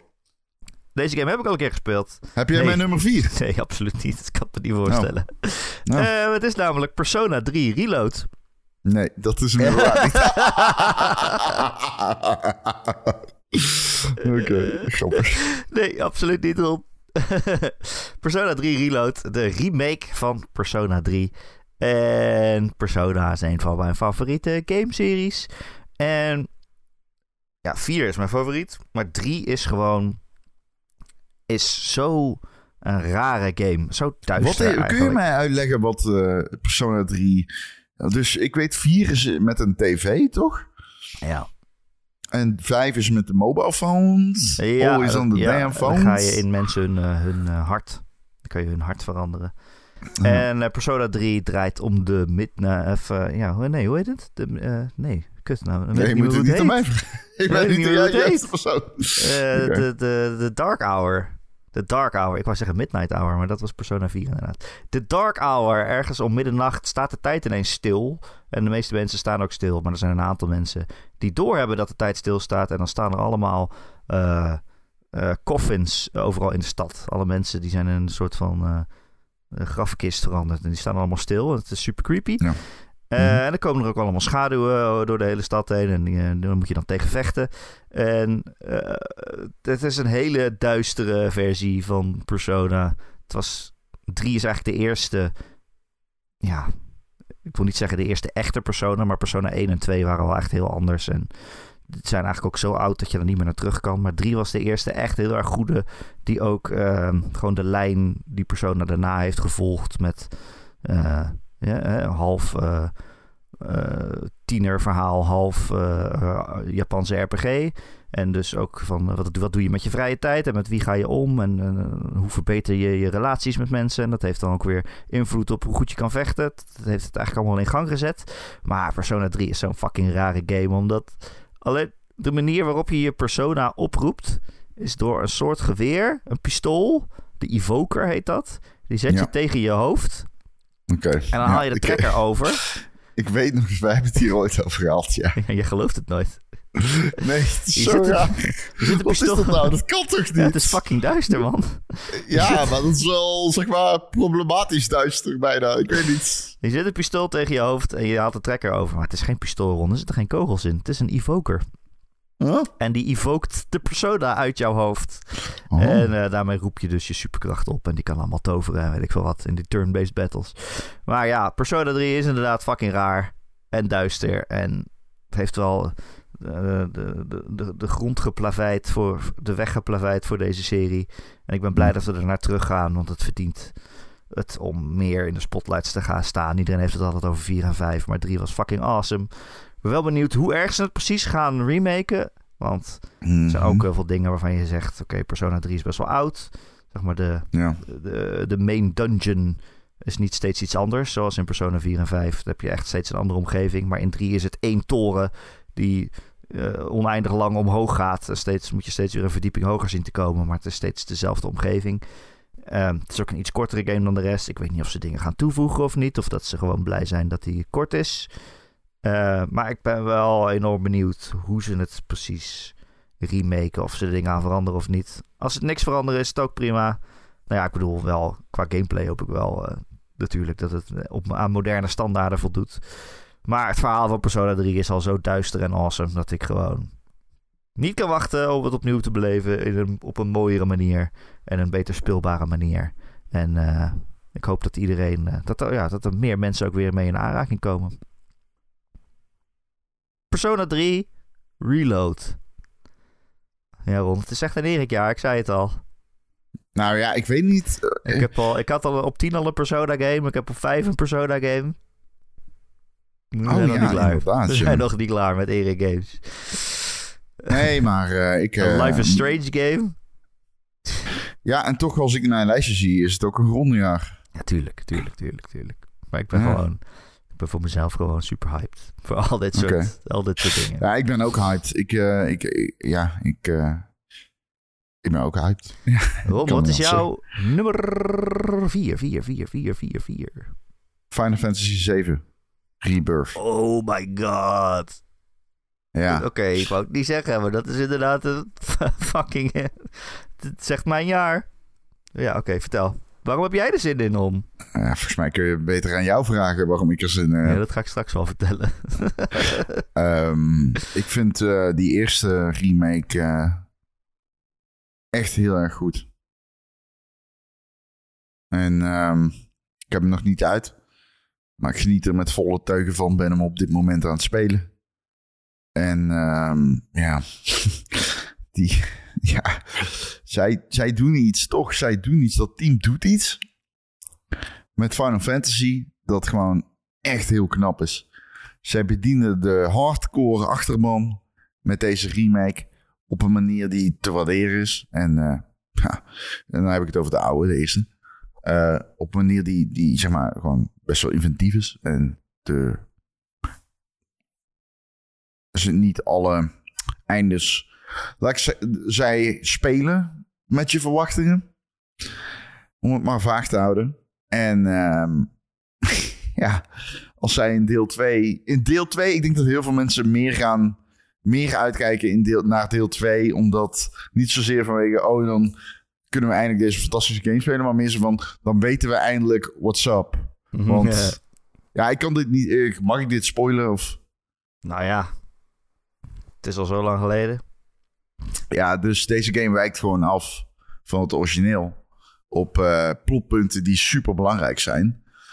En niet eens op manieren dat je zegt van oké, het doet andere dingen om het een andere kant in te sturen. Nee, het sturen aan zich is waar het van afwijkt. Dus je hebt kleine rare spookwezens en die sturen letterlijk dingen. Eh, je ziet ze af en toe in beeld en dan eh, vallen ze aan bijvoorbeeld om iets te forceren of iets tegen te houden. Wat dan gebeurd is in het origineel. Dus er zijn heel veel vraagtekens in de community van wat is dan het nut van die spookwezens? En hoe is dit een remake als er dingen zijn die anders lopen door die spookwezens? Nou, je, hebt Want- nog, je hebt hem nog niet uitgespeeld, of wel, Ron? Nee, nee. Alright. Maar ik weet al waar het heen gaat richting het einde, helaas. Dus ik weet ook waar jij naar refereert. Ehm, en ik ben heel benieuwd hoe dat gaat lopen in deel 2. Eh, want daarmee is het eigenlijk geen remake meer. ehm, om eerlijk te zijn. Nee? dus ja, dat, Ja, we, dat weten is niet, we, weten niet, we weten niet hoe erg het niet een remake is, zeg maar. Of dat het echt eigenlijk een heel, helemaal een vervolg is. Of een Precies. alternatieve Is het een tijdlijn. vervolg Of, of is het een of remake? heeft dat het is de eigenlijk vraag. niks mee te maken? Of wat is er nou precies aan de hand? Dus gaan ze in deel 2 gaan ze het resetten. In Rebirth gaan ze zeg maar terug naar de kern. of eh, gaan ze door naar zeg maar ja, wat eigenlijk gewoon een andere tijdlijn is. Ja, geen idee. Of eigenlijk twee tegelijk. Als, ik- als ik die Ja, trailers zie. ja, twee tegelijk. Ja. Eigenlijk twee tijdlijnen tegelijk. Maar goed. Ja, ja dus, Oh, hou ehm, op, daar kan hij uren over praten. ja, nee, dus ja, eh, deze game gaat eh, voor waves zorgen in de community. En eh, terecht, want ja, heel bijzonder dat die zo goed is. Gameplay trouwens ook, moet ik ook wel even zeggen. De gameplay is fantastisch. Yes. Van de Yes. remake. En, ja. en nu krijgen we een hond. Hè? Een hond? Ja, oh, je bedoelt eh, die eh, Red, Red, Red 13. Red, Red. ja. Ja, held. Eh, mijn nummer vier. Mijn nummer vier. eh Ron heeft hem al genoemd. Mijn nummer vier is Hellblade 2. Senua's Saga. Ehm, ja, Ron heeft het eigenlijk al heel goed gezegd. Goed gedaan, Ron. Elke trailer die je van die game ziet is onvoorstelbaar mooi. En prachtig en bijna fotorealistisch. En je denkt, wat is dit voor een rare, donkere, IJslandachtige wereld? Wat de fuck zijn we hier allemaal aan het doen? Al die fantasie dingen. En waarom is het allemaal zo creepy? Ehm, ik ben wel fan van het eerste deel. Misschien de gameplay inderdaad niet altijd. Zeker die gevechten waren een beetje dat je zegt, dan kan je een beetje clunky. Waarom zit het er überhaupt in? Maar Hm. die eh, wereld, het verkennen van die wereld. En, en ik vond die puzzels ook wel echt cool. Er zitten heel veel puzzels in, Ja. in de omgeving. Dat je dingen moet uitlijnen of zo. Of recht, eh, recht naast elkaar moet zetten. Of dat je op een bepaald punt moet staan. Zodat je, alle, wat je dacht dat allemaal takken in de bomen waren. Dat als je op een bepaald punt staat, dan vormt dat dan ineens een, eh, een vorm die je nodig hebt om een deur open te doen. Dat soort dingen. Of je, je hebt ergens interactie mee. Je, je bent in, ineens in een soort uh, illusiewereld waarin alles in de brand staat. En dan moet je zo snel mogelijk uh, uit het level zien te komen. Dat soort dingen. Het is allemaal heel erg nachtmerrie shit. Het komt ook allemaal uit haar nachtmerries. En dan ook nog inderdaad de hele tijd, je hoort al die stemmen in je hoofd. Ze raden aan om het met koptelefoon te spelen. Dan hoor je links en rechts allemaal fluisterstemmen van... Oh, jij kan dit niet. En wat denk je wel niet dat jij hier langs kan komen? En deze puzzel is veel te moeilijk voor jou. Pas nou op. Maar ook bijvoorbeeld als je in een gevecht zit en iemand komt jou van achteraan vallen. En dat kan je niet zien door de camera. Dan hoor je zo'n stem. Oh, behind you, behind you. There he comes. Het is allemaal, het vloeit allemaal zo cool in elkaar over. En het heeft effect op de gameplay, maar vooral effect op het verhaal en de sfeer. Het geeft alle, allemaal gewoon heel erg een onheimlich gevoel. Zo van, oh, iets klopt hier niet. Ik wil dit eigenlijk niet spelen, want ik voel me er niet fijn bij. Zij voelt zich er ook niet fijn bij. Het is niet alsof zij een coole held is die denkt dat ze alles wel even kan winnen. Nee, het is juist iemand die denkt dat ze sowieso gaat verliezen, maar het toch maar probeert. Um, ja, dat zorgt allemaal voor. Ja, ik vind dat allemaal wel heel prikkelend. En dingen die je niet vaak ziet of beleeft in games. Het geeft weer een heel ander gevoel tijdens het spelen van een game dat je normaal hebt. En daar ben ik uh, groot fan van. Dus ik Hmm. kan niet wachten op deel 2. Nou ja, Mooi gezegd. het Ja, enige wat we nodig gezegd. hebben is een release datum. Ja, dat zegt dat ook wel, ja. ja. Wat denk je? ah, geen idee. Ik denk als het begin van het jaar was, hadden ze het nu al gezegd. Hm. Ja, wel hè. Ron, we zijn bij de top 3. De Ron en Erik top 3. 2024 vooruitkijk games. Ik zit nog te wachten op het moment dat we allebei hetzelfde gaan zeggen. Misschien is dit Gaat het niet moment. gebeuren. Misschien is dit het moment, Ron. Wat is jouw nummer Nee, 3? nee, nee. Ik weet wat jij bedoelt, maar die, eh, die staat hoger. Wat is jouw nummer 3? Mijn eh, nummer drie is Sword of the Sea. Oh, nice. Ja, man. Ja, dat ziet eruit. Dat is gewoon... de- die game, ze hebben gewoon gezegd... eh, ze hebben zeg maar de demographics genomen. En hebben ze gekeken man, vrouw, West-Europees, Aziatisch, Oost-Europees, eh NE. eh, wat gaan we voor? En toen uiteindelijk hebben ze op het eh, A4'tje gezet Ron. Ja, dit, dit- ik droom. Dit is gewoon Journey Plus. Ja, Sword of the Sea is Journey Plus. Het is van de makers van Apsu. Een game eh, die je ook al kan omschrijven als Journey onder water. Ehm, en eh, ja, het is een... Ja, ik, jongens, waar moet je beginnen? Het oogt fucking schitterend. Je bent over zandduinen aan het racen, zoals in Journey inderdaad. Eh, en het beste, het allerbeste aan Abzu en de Pathless was de movement. Ja, en het ziet er zo vloeiend uit. Ik, jeetje, ik weet echt niet waar ik moet beginnen met lofzang van, over die trailer. Zeg maar, er zijn Mhm. grote vijanden waartegen ogenschijnlijk je moet vechten. Maar er zijn ook gewoon... eh, op een gegeven moment dan loop je gewoon in een zandduin en dan doet, hij zo... En dan opeens verandert alles naar de zee. Het is fucking wild. Je Mhm. surft op een zwaard. Dat is ook wild. En de soundtrack wordt gemaakt door Austin Wintory. Eh, Jip, jip, jip, jip. Dus die is erg goed. Ehm ja, Giant Squid voelde voor mij altijd zeg maar als een soort van... En ik weet dat een van die guys heeft meegewerkt aan Journey. Maar het voelde voor mij altijd als een soort van Journey-like. Weet je, al die games, met name Absu, was zo van ja... De flow en de vibe van Journey doen we opnieuw. En dit heeft dat ook heel erg. Dat ik denk van ja, dit is gewoon Journey. Ehm, maar er zijn gewoon... Ja, dit, dit, dit oogt als een droom. Dit oogt zo vloeiend. Er zitten trucjes in. Je kunt zeg maar... je- er zitten halfpipes in. Je kunt echt surfen op je zwaard. En trucjes doen. En ja, je moet het zeg maar zien als een uitgebreide vorm van Journey. Ja, ik had hem ook, eh, ik had hem die ook wel in de Patreon genoemd. Dus eh, ik kijk er ook heel erg naar uit. Goed gezegd, Ron. Thanks. Dus niet dat je hem zo hoog had staan, maar eigenlijk... ja, eh, ik heb hier echt... eh, maar ik vond absoluut echt fantastisch. Ja, De Pathless vond ik een beetje... mm, die movement was zeg maar net niet.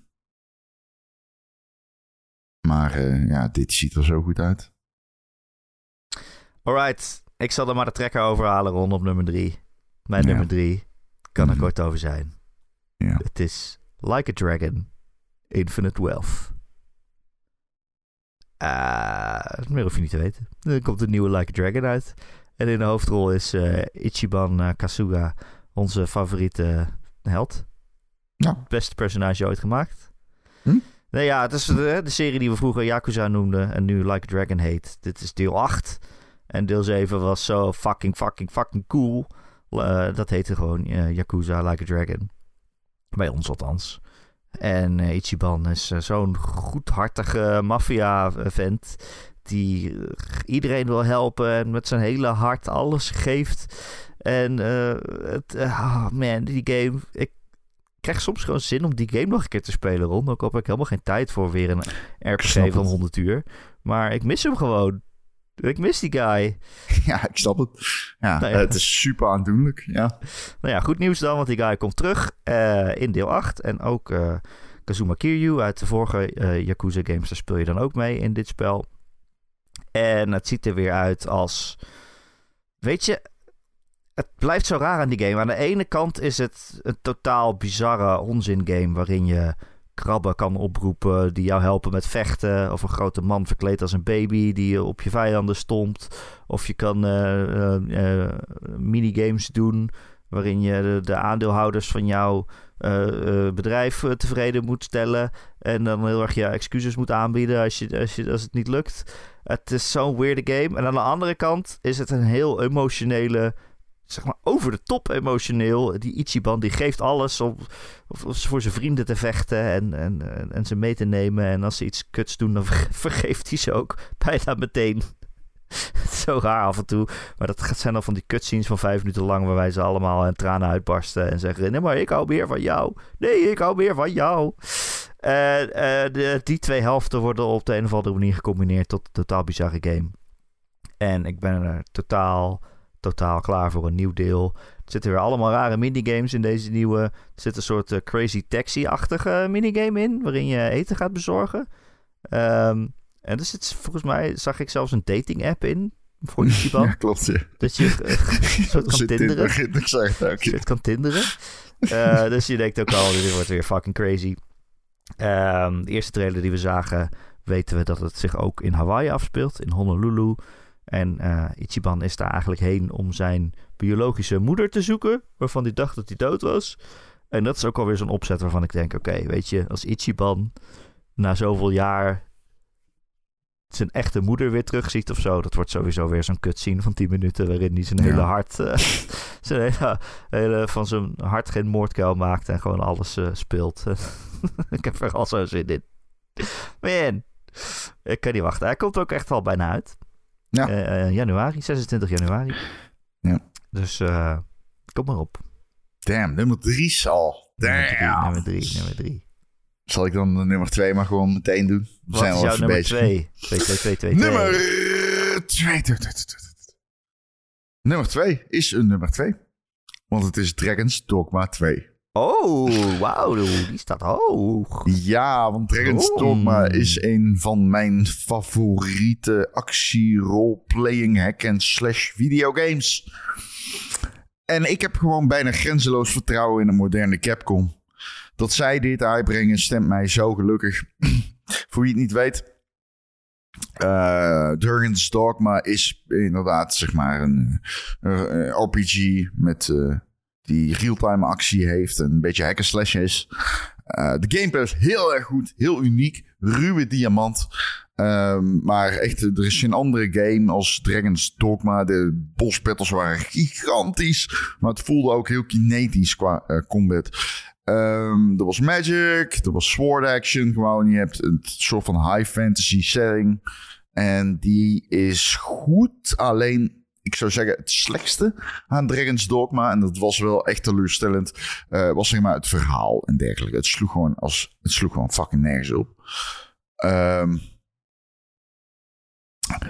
ja, ik, ik- ik- Heb je iets hiervan gezien al, Erik? Ehm, ik heb wel een trailertje gezien, volgens mij. Ja, ja, er zit een moment in. Er was laatst een nieuwe eh reveal. En dan, dan is er een moment dat je. Je hebt dus een party in deze game. En er is ook eh, de keuze om een, wizard in de party te doen. Zo noem ik het even in Dungeon- Dungeon- D&D termen. Maar eh, ik weet even niet hoe dat in de game heet. Maar je kunt dus dual casten. En dan kun je samen een spreuk doen. En het is op dat moment alsof de wereld vergaat. Eh, de rotsen vliegen in het. eh, zeg maar, het is alsof er een berg naar beneden stort. En deze game is heel. Zeg maar, de explosiviteit van de actie is een van de beste dingen aan Dragon's Dogma. Het, voelt echt. Het voelt alsof je aan het slaan bent en aan het magiën bent. Maar het is ook groots en spectaculair. En met de huidige status van Capcom, wat, ja, laten we eerlijk zijn, misschien wel een van de meest. They just don't miss op dit moment. En het feit dat eh, Dragon's Dogma een, eh, bijvoorbeeld een Netflix-serie heeft gehad. Ehm, ik ik Ja. heb hier echt heel veel vertrouwen in. Ik denk echt dat dit een gruwelijk goede game wordt. eh, waarmee het brede publiek eindelijk kennis maakt met Dragon's Dogma. Nogmaals, een ruwe diamant. Maar een geweldige Ja. game. Je kon bijvoorbeeld in de oude Dragon's Dogma kon je vijanden grabben. En dan kon je gewoon echt letterlijk aan aan eindbazen vasthangen om ze te slaan. Ja, dat is Ehm, cool. Ja, het is fucking cool en eh, heel experimenteel. Dat je gewoon, ja, ieder lichaamsdeel kan aanvallen, weet je wel. Van vijanden. Ehm, ja, heel uniek. Ehm, ja. ja, ik ben gewoon zo benieuwd wat ze hiervan gaan brouwen. Ehm, maar ik garandeer jou dat het een goed spel wordt. Want het huidige Capcom is zo in vorm. En zij weten die visie die ze met de eerste Dragon's Dogma hadden... die weten ze hier wel uit te werken tot iets wat, eh, wat wij spelen willen. Dat garandeer ik je. Ja. Ja, ik heb hem eh, niet op mijn lijst gezet. Niet dat ik er niet naar uitkijk, maar zeg maar Dragon's Dogma 1 heeft mij nooit echt gegrepen. Het was echt... Ja, het was echt een rare game waar op zich heel veel mis mee was. Heel maar raar, het, ja. Het gaf het Ja. ook wel weer heel veel charme van... oh Ja, we hebben allemaal dingen geprobeerd en sommige dingen lukken en, en sommige niet. Maar dat geeft het ook wel weer zijn charme dat sommige dingen niet lukken. Maar ja, ik weet ook nog heel erg van die partymembers met je mee. Die hadden dan één zin die ze altijd zeiden. Ja. Ongeveer. Ja, Nou. dat hoorde je dan 10.000 keer in het playthrough. Maar goed. Nee, eh, dat klopt. De dialoog was ook heel cringe. Ja. Eigenlijk het hele verhaalaspect was een soort van afterthought. Maar het werd wel continu aangehaald. ja, Dus precies. het was zeg maar echt zo van, die werd er continu mee geconfronteerd. Dus als, ik, als je die game moet recenseren destijds, had je die waarschijnlijk een 7 gegeven. Want ja, Ja, wat het is maar niet Ja. goed, weet je wel. Alleen, de, het is wa- ja, wat ik zeg, ruwe diamant. Ja, precies. Soms zijn dingen die niet echt goed zijn juist het meest interessant. Omdat ze heel veel dingen geprobeerd hebben. Ja, wat ik zeg, sommige dingen werken dan heel goed. En dan denk je, wauw, dit is echt iets bijzonders. Ook al is het niet overal goed, het is in ieder geval bijzonder. In ieder geval iets wat je nog niet gespeeld hebt, zeg maar. Ja, het Dus, open ja. wereldgedeelte was supergoed. Eh dus de combat encounters waren echt geweldig. En de boss battles waren echt supergoed. En het was ook moeilijk. Ehm, super hardcore. Eh, ja, de epiek straalde er vanaf. En alles wat ik van deel 2 zie, zet daarop in. Dus, hey, Hey. let's fucking go. Mijn nummer twee.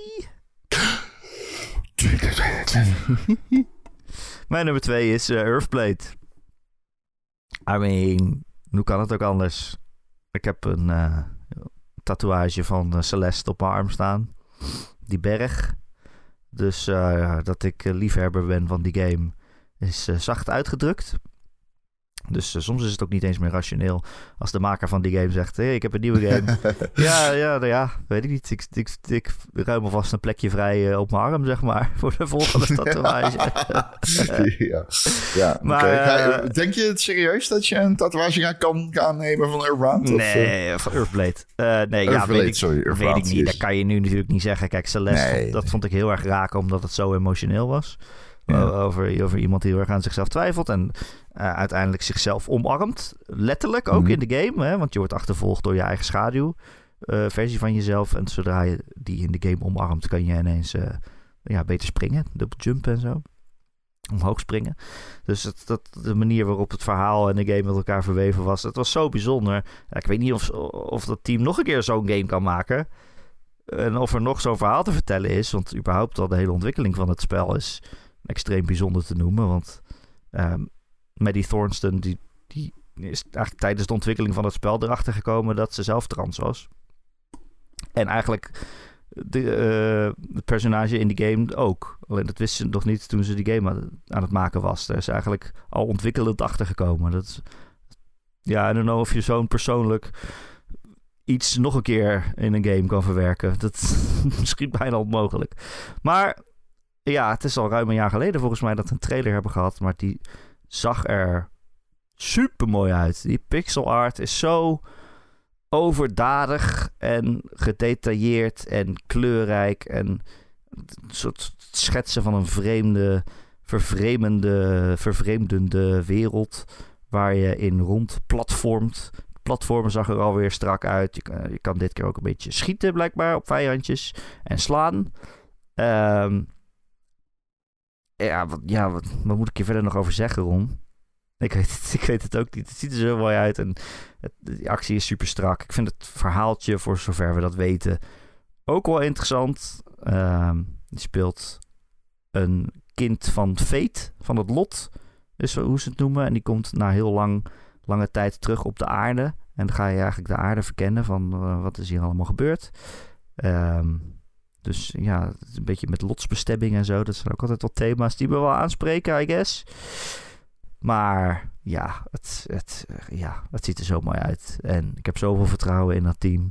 Dat ze hier weer een prachtige indie game van kunnen maken. Dus uh, ja, ik ben er helemaal klaar voor. Ik heb nog plek op mijn arm, mocht hij zo goed zijn. Oké. Alright, Ron.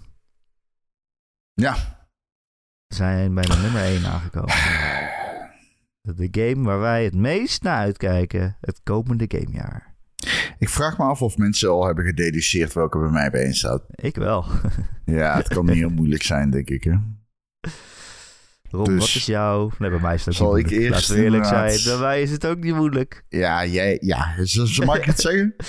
Uh, wat? Van jou? Ja, wat jouw nummer 1? Ja, mag, mag ik ook jou zeggen? Want we, ik dat weet iedereen al, dat weet iedereen al. Ja, oké, okay, ik ga het gewoon zeggen. Erik, jij hebt Final Fantasy 7 Rebirth. Natuurlijk. En ik heb Like a Dragon Infinite Wealth. Ja. Um, waarom kijk je zo uit naar Final Fantasy 7 Rebirth? Waarom kijk je uit naar Final Fantasy 7 Rebirth? Holy shit, Ik weet het antwoord op Dit die vraag. Dit is echt een koortstroom van een game. En ik kan niet geloven dat deze game gemaakt wordt. En op deze manier gemaakt wordt. Het lijkt wel alsof die specifiek op mij is gemaakt. Ron, als jij een remake maakt van een game, dan... ja, sorry, maar dan ga je toch gewoon opnieuw beginnen... zodat nieuwe mensen die instappen... Die dat dan ook lekker dat verhaal kunnen beleven. Maar nee, ze hebben een game gemaakt die in gesprek gaat met het oude spel. en eigenlijk uh, veel beter is als je het oude spel ook gespeeld hebt. En als je het niet gespeeld hebt, ja, ik weet niet hoe je dan eigenlijk het verhaal aan het volgen bent. Want het slaat allemaal helemaal nergens op. Inderdaad, zoals jij zei, er zijn al het allemaal spoken die het proberen tegen te houden dat het van het originele verhaal afwijkt. Maar uiteindelijk ja, gebeurt het toch. En zijn we nu op een punt, dat zie je ook in al die trailers, dat je denkt, ja, wat is nou echt en wat niet? En waar kan het van afwijken en waar niet? In de trailers zien we heel veel plekken en gebeurtenissen uit de oude Final Fantasy 7. Dus het is niet dat ze helemaal iets anders gaan doen. Ik bedoel, ze gaan uh, de open wereld in nu. Ze gaan achter Sephiroth aan. Ze gaan uh, dezelfde locaties bezoeken. Uh, maar je weet ook straks als je die game aan het spelen bent... het kan op elk moment anders gaan.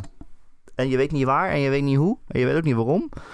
En ik kan nog steeds in mijn hoofd niet rijmen de beelden die ze in de trailer hebben laten zien, hoe dat in het spel gaat passen. Want er zijn gewoon personages die er niet kunnen zijn. Zij zitten in die trailer. Dat je denkt, dit, het kan niet. Het moet, een, het moet bijna wel een andere tijdlijn zijn of zo. En als ze dat helemaal gaan crossoveren, dan heb ik geen idee wat voor Kingdom Hearts-achtige bullshit deze game gaat doen.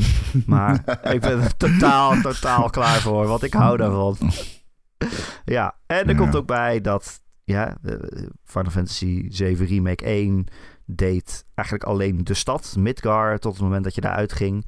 En dat is eigenlijk maar een heel klein deel van het originele Final Fantasy 7. En daarna gingen ze daarna gebeurden eigenlijk alle leuke dingen in die game. Daarna gingen ze de open wereld in. Weet je, ze gaan naar dat uh, pretpark, de Golden Saucer. Dat zien we ook wel in trailers van deze game. Dat ze daar eh, lekker dat pretpark intrekken. Er zitten ook weer allemaal domme minigames in. Um, dat zijn echt de dingen die ik heel erg heb onthouden van Final Fantasy 7, het origineel. Dus we gaan nu echt nog verder mijn nostalgie in. En uh, alle, alle, alle leukste en raarste dingen aan die game gaan we nu verkennen in dit nieuwe deel. Dus ja, man. Final Fantasy 7 is echt een van mijn favoriete games ooit. En dat ze er dan zo'n debiel half vervolg op maken. Ja. Wow. Dit is, ja, dit komt uit het mooi hart uit. Mooi, mooi, eh, mooi uitgelicht. Ja. Echt eh, fenomenaal uitgelicht. Ja. Wauw. Ik, ik kan echt niet wachten. Nee, ik krijg er niet helemaal te- zin in als ik jou wil praten ook. eh. Het is ook niet te geloven dat er daarna nog een deel 3 moet komen waar ik dan ook nog op moet wachten. Ja. Weet je nog dat wij in het begin best wel sceptisch waren? Weet je nog? Dat wij dachten van, hè, over de eerste twee uur van de originele Ja. game ga je nu een game maken? What the fuck? Ja. Maar toen Eh, dachten we ook nog works. dat het gewoon een remake was. Ja, dat ook. Ja. Maar ja, inderdaad, ook de gameplay en zo. Je hebt het allemaal al genoemd. Dat vind ik ook echt fantastisch goed. Dat je dat half turn-based, dat je het op elk moment op pauze kan zetten. En van personage kan wisselen. En eh, spels kan casten. Maar het is wel actievol en, en real-time-achtig. Ja, het is zo goed. Het is zo mooi. En ik hou van die personages. We hebben een keer een top 10 personages gemaakt. Toen stond Aerith op, op één bij mij. Dus. Ja. Oké, Ron. Zeker. Dat was een leuke podcast, die Ja. personages. Weet je wie er ook in stond stond? Ichibot ook in, ja, ik wou zeggen. Ron, Ja, jongens. Ja. Erik. jouw nummer 1 is Like a Dragon Infinite Wealth. Waarom? Ik... Dit... ik ga huilen tijdens Ja. game. Eh, ja. Ik ga sowieso huilen. Ik weet nog niet eens wanneer en hoe vaak. Maar ik gok minimaal 20 keer. Van geluk. Hij gaat naar Hawaii. Om zijn moeder te zoeken. Kiryu heeft kanker. Dit wordt... Dit wordt echt... Mijn ultieme verhalende game. ik denk niet dat ik ooit meer invested ben geweest in een verhaal dan het verhaal van Infinite Wealth. Voor wie het niet weet, Like a Dragon eh, is eh, Yakuza 7 Like a Dragon. Ehm, is zeg maar het eerdere deel. Het is een turn-based game, omdat het hoofdpersonage denkt dat hij in.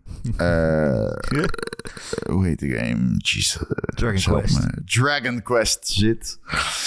Dat is echt waar. Op een gegeven moment zeggen personages in je team tegen hem van... hey, waarom val jij nooit aan als je geslagen wordt? en dan zegt hij, omdat ik Dragon Quest speel in mijn Niet mijn hoofd. beurt. Ja, het is niet mijn beurt. Hij noemt zijn vrienden ook zijn part, de party members. Ja, hij noemt zijn vrienden partymembers. Hij weet dus... eh, als speler weet je dus ook niet of dit turn-based is, IRL, of dat dat allemaal in zijn hoofd zit. Eh, iedere confrontatie zit eigenlijk in zijn hoofd. Ja, want je komt dan mensen tegen op straat en die veranderen dan ook in een soort van eh eh, Ja. JRPG-tegenstanders. Maar dat is, is in zijn fantasie natuurlijk. Ja. Deze game is zo fucking achterlijk. Ehm, ik ben nog nooit... Ik, ik- nee, echt waar. Deze komt op één om, om vanwege het verhaal. Ik kan gewoon niet... Ik kan, ik kan gewoon niet wachten. Ik wil gewoon... Ik, ik- zeg maar, Ichiban is het meest likable personage ooit. En dan eh verbreed, het naar, video, naar, naar, naar videoclips of weet ik veel. Of naar film. Hij wint. Hij is oprechte goedheid. En hij heeft het beste voor met zijn hele team. En zal zichzelf opofferen waar nodig.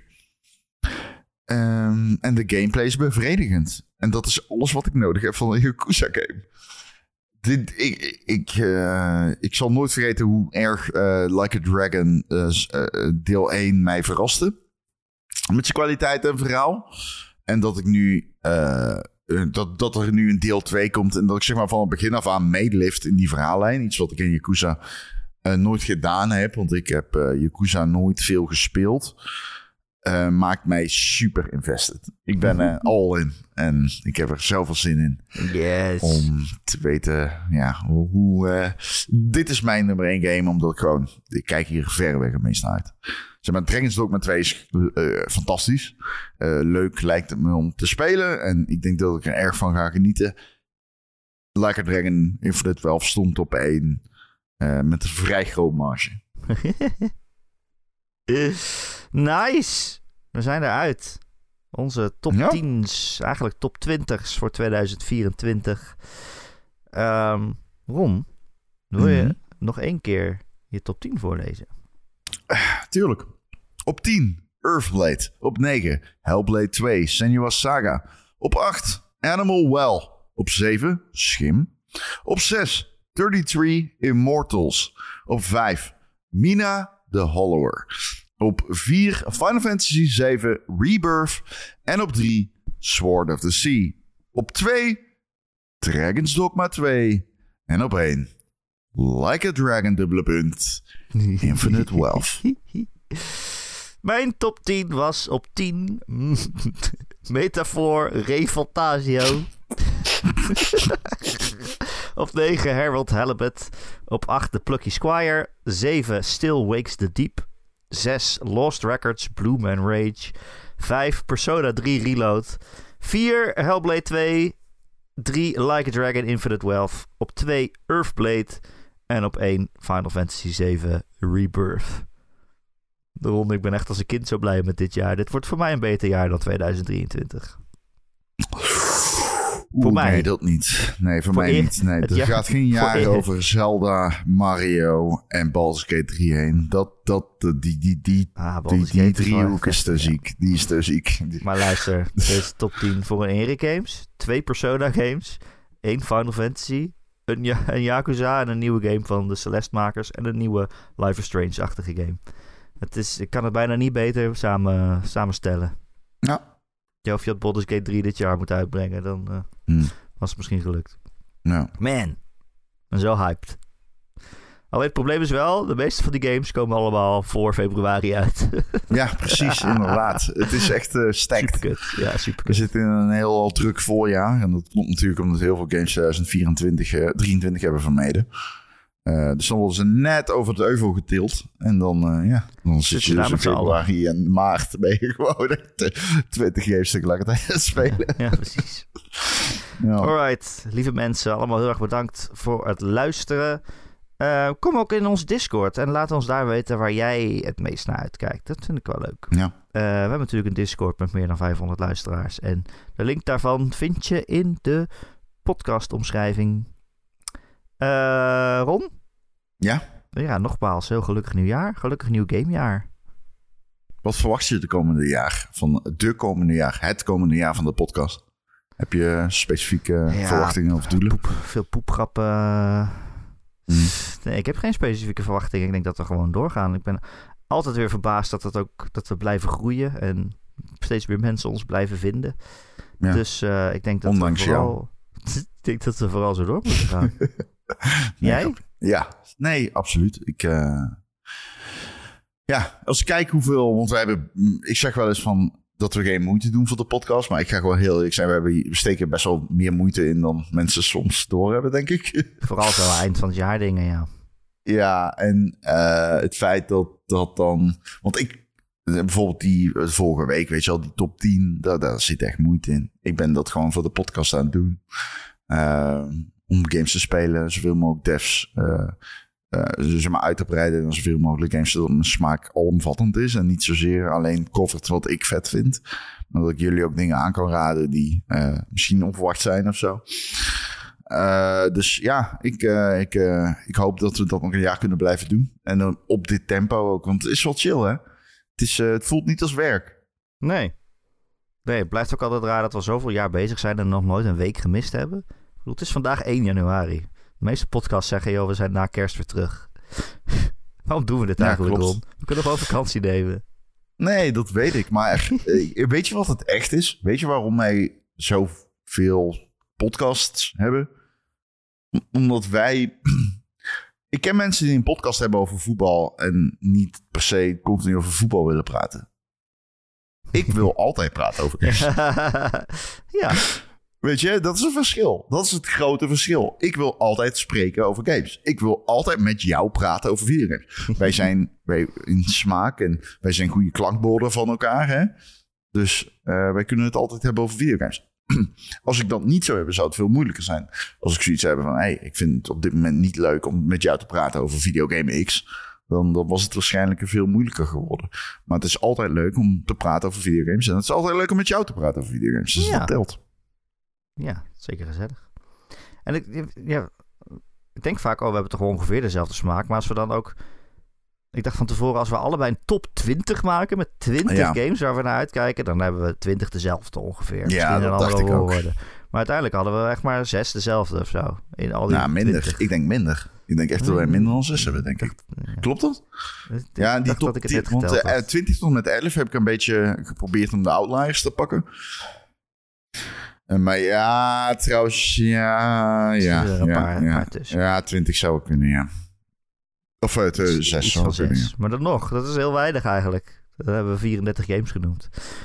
Dat is echt cool. Ja. Ja. Maar ik heb ook, Ja. Ron, dat ik denk, we zijn nu acht jaar bezig. We hebben nog nooit een maandag gemist. Dat is ook de reden dat ik nu dus geen maandag kan missen. Oh, Omdat als je het nu doet, dan is de streak verbroken. Ja, maar ja. Ja, er is ook geen reden om hem te missen. Want ik, ik- voor mij is het gewoon zo simpel als... ik spreek iedere dag mensen over videogames. Ja, Dus kan ik het net zo goed een keer kan opnemen. ik net zo goed opnemen. Ja. Nou, we hebben bij deze weer gedaan. We hebben jullie allemaal games aangereikt om naar uit te kijken dit jaar. Hopelijk eh, vond je het leuk of had je er wat aan of heb je iets nieuws ontdekt. Of eh, ja, inderdaad, laat ons weten waar jij het meest naar uitkijkt. En allemaal heel gelukkig nieuwjaar natuurlijk. Gelukkig gamejaar. En we zien jullie volgende week weer met een gewone doodnormale Ron en Erik podcast. Tot de volgende week. Doei. Is back, baby! The Ron and Eric Podcast.